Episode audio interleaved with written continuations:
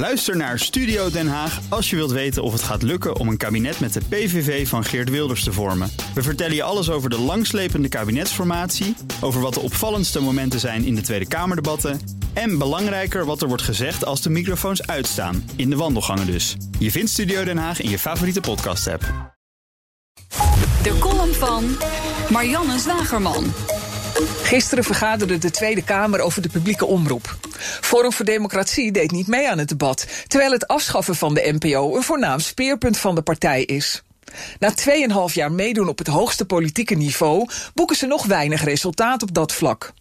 Op de ochtend van het Kamerdebat riep Thierry Baudet zijn achterban in een filmpje zelfs op lid te worden van een publieke omroep. Het zijn verwarrende tijden voor de rechtsborealen.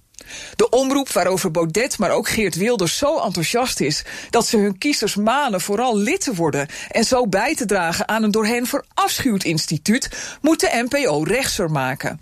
Dat is inderdaad hoog nodig. Het is alweer tien jaar geleden dat Poont en WNL om dezelfde reden zijn opgericht, maar die liepen vast in hun eigen hebzucht en het Hilversumse vergadermoeras, waarin alles wordt afgevlakt naar middelmatige correctheid. De nieuwe omroep in oprichting krijgt de geniale naam Ongehoord Nederland. Een naam met misschien wel drie lagen erin. Het is van geen Stijlsiaanse spitsvondigheid. Opvallend is dat de oprichters helemaal niet zo ongehoord waren.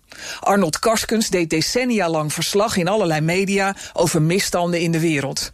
Joost Niemuller was tot een paar jaar terug nog te horen op Radio 1 en te lezen in gerespecteerde media. Ze zijn niet ongehoord, maar uitgekotst. Karskens en Niemuller pleegden professionele zelfmoord door kritisch te berichten over migratie, asielbeleid en rassenverschillen. Dan verdwijn je uit de rolodexen op de Hilversumse redacties. Nog niet zo lang geleden was er ook hier bij BNR een mini-rel, omdat Niemuller op de gastenlijst van een programma bleek te staan. Ik twijfel of het uitgekotst zijn en de bijbehorende rancune een grotere drijfveer achter de omroep is dan oprechte interesse in de stem van de ongehoorden in Nederland. Als niet gehoorde partijen toch ruim 20 kamerzetels weten te veroveren, dan dringt het geluid ergens door, ook zonder een echt pluriforme publieke omroep. In een flinterdunne aflevering van Media Logica werd Niemuller zondag nog de meest invloedrijke twitteraar uit het alternatief rechtse kamp genoemd.